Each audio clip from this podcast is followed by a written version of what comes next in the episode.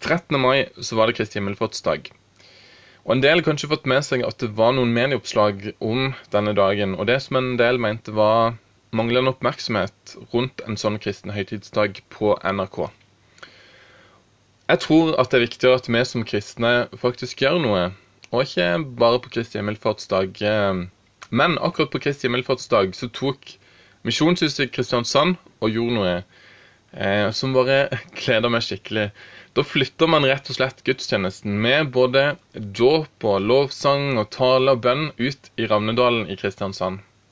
Og det er et av Kristiansand sine mest kjente og idylliske turområder. Og For å si det sånn, så var det noen som ble med på den gudstjenesten som aldri ville kommet inn i et bedehus eller forsamlingslokale. Og jeg tror òg, fordi det står noe om det i Bibelen, at det ikke bare var blomsterfrø som fikk seila i lufta den dagen, men noen ord som ble sådd i noen hjerter som kanskje får spire videre.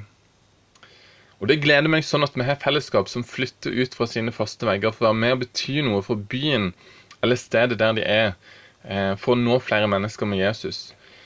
Og Når det gjelder flytting, så er vi også så heldige å ha fått eh, en ung familie, Jon Olav Selstø og Kristine Gamst Selstø, eh, som nye ansatte i Notodden og Telemark.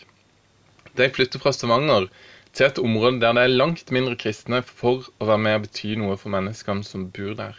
For å vinne nye mennesker. Og det gjør meg skikkelig glad. Eh, og det samme gjør det at vi har fått en ny leder for barne- og ungdomsarbeidet her i Misjonssambandet Sør, Kristine Gangstø Byrkedal. Det er bare noe som gjør meg takknemlig for at Gud sender folk eh, til oppgavene som ligger foran. Og så har jeg lyst til å ønske deg alt godt for dagene som ligger foran med Salme 94,19. Om du akkurat nå er glad, eller kanskje ikke så glad. Der står det Når mitt indre er fullt av urolige tanker, har min sjel glede av din trøst.